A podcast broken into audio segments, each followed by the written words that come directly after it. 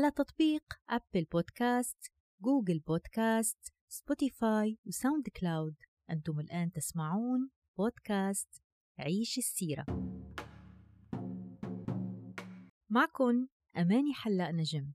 أروي لكم حياة المصطفى صلى الله عليه وسلم لنعرف الأحداث ونعيش التفاصيل. نعرف لكي نحب ونحب لكي نطيع. فإذا انتقلت الجزيرة العربية على يد عمرو بن لحي من التوحيد إلى الشرك ومرت السنين ونسي الناس التوحيد وما زالت خزاعة هي الحاكمة لمكة إلى أن جاء رجل اسمه قصي بن كلاب وتزوج من ابنة سيد خزاعة مين هو قصي بن كلاب؟ قصي بن كلاب هو من أولاد إسماعيل من سلالة إسماعيل عليه السلام. قصي مش اسمه الحقيقي اسمه الحقيقي زيد. بعد وفاة والده تزوجت أمه وأخذته معه وعاش في أطراف الشام. فعاش قصيا يعني بعيدا عن قومه في مكة لحتى كبر فصار اسمه قصي. كان قصي رجل عالي الهمة قوي. حكيم. لما مات سيد خزاعة أعلن قصي نفسه سيدا على مكة. لماذا؟ لأنه من سلالة إسماعيل وهو الأحق بها. وقيل أن سيد خزاعة نفسه هو يلي وصى بالسيادة لقصي. وبكلا الحالتين صار قصي هو الحاكم لمكة. ولكن هل قبلت خزاعة بذلك؟ أكيد لا. لم تقبل. ونشبت حرب طاحنة بين خزاعة ومن معها وبين قصي ومن معه من قومه من هم قومه؟ قومه يلي عاش بعيد عنهم من هم؟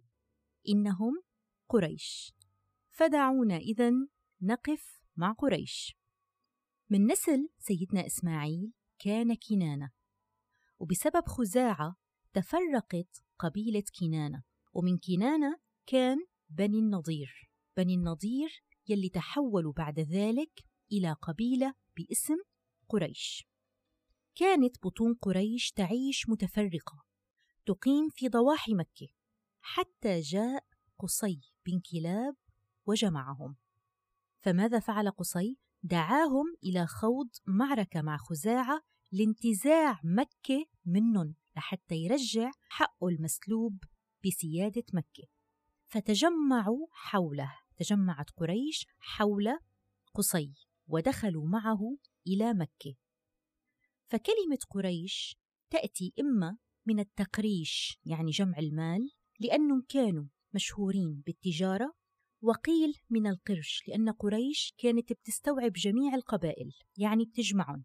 فإذا نشب قتال طاحن بين خزاعة ومن معها من حلفائها وبين قصي وقومه قريش. وبعد قتال شديد لم يكن هناك من حل إلا اللجوء للصلح. فاحتكموا لأحد حكماء العرب المشهورين بهيداك الوقت واسمه يعمر بن عوف. فبماذا حكم يعمر؟ حكم أن مكة من حق قصي بن كلاب وبذلك عاد حكم مكة لسلالة إسماعيل.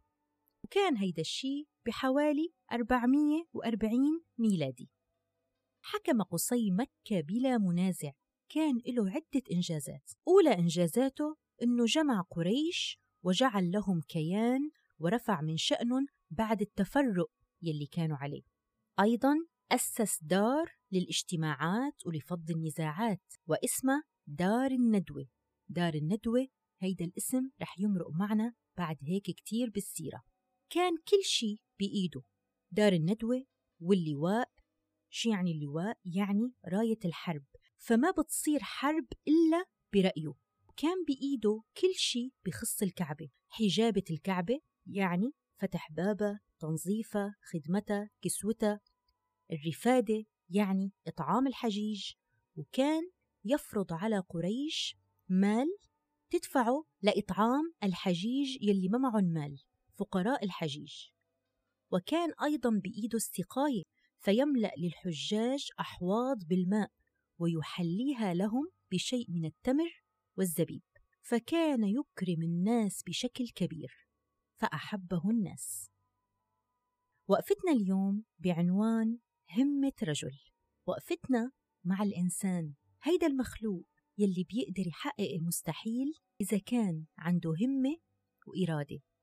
ولكن بيختلف تأثير الإنسان بحسب نوع التغيير يلي بيعمله رجل واحد قدر يغير معتقد شعب بأكمله يلي هو عمرو بن لحي ورجل واحد قدر بعزيمته يجمع قومه بعد تفرق سنين ويرجع الحق المسلوب ويعمل لهم كيان وهو قصي بن كلاب ولكن شو الفرق بين الرجلين؟ الاثنين كان عندهم همة وقوة وشخصية قيادية وقدروا يكسبوا محبة الناس. ولكن عمرو بن لحي استغل هيدا الشي بالشر فكان سبب بالضلال. أما قصي عرف قيمة المكان يلي هو فيه. أكرم الحجيج وفرض على قريش إكرام وكان سبب بالخير. لحتى يثبت لنا إنه ما بيضيع حق ورام طالب. مهما بين الواقع مستحيل وأسود ولكن التاريخ دايما يثبت أن إرادة الإنسان تصنع المستحيلات. هل هيدا الشيء بيصير بسهولة أو بوقت قصير؟ أكيد لا. هيدا الشيء بياخد وقت طويل وجهود كبيرة وممكن كتير إنه البذرة يلي أنت تزرعها ما تشوفها بل يشوفها أحفادك من بعدك. ولكن المهم إنك تزرعها. ما هي بقية قصة قصي بن كلاب وما الذي حدث بعد ذلك؟ هذا ما سنتعرف إليه في الحلقة القادمة.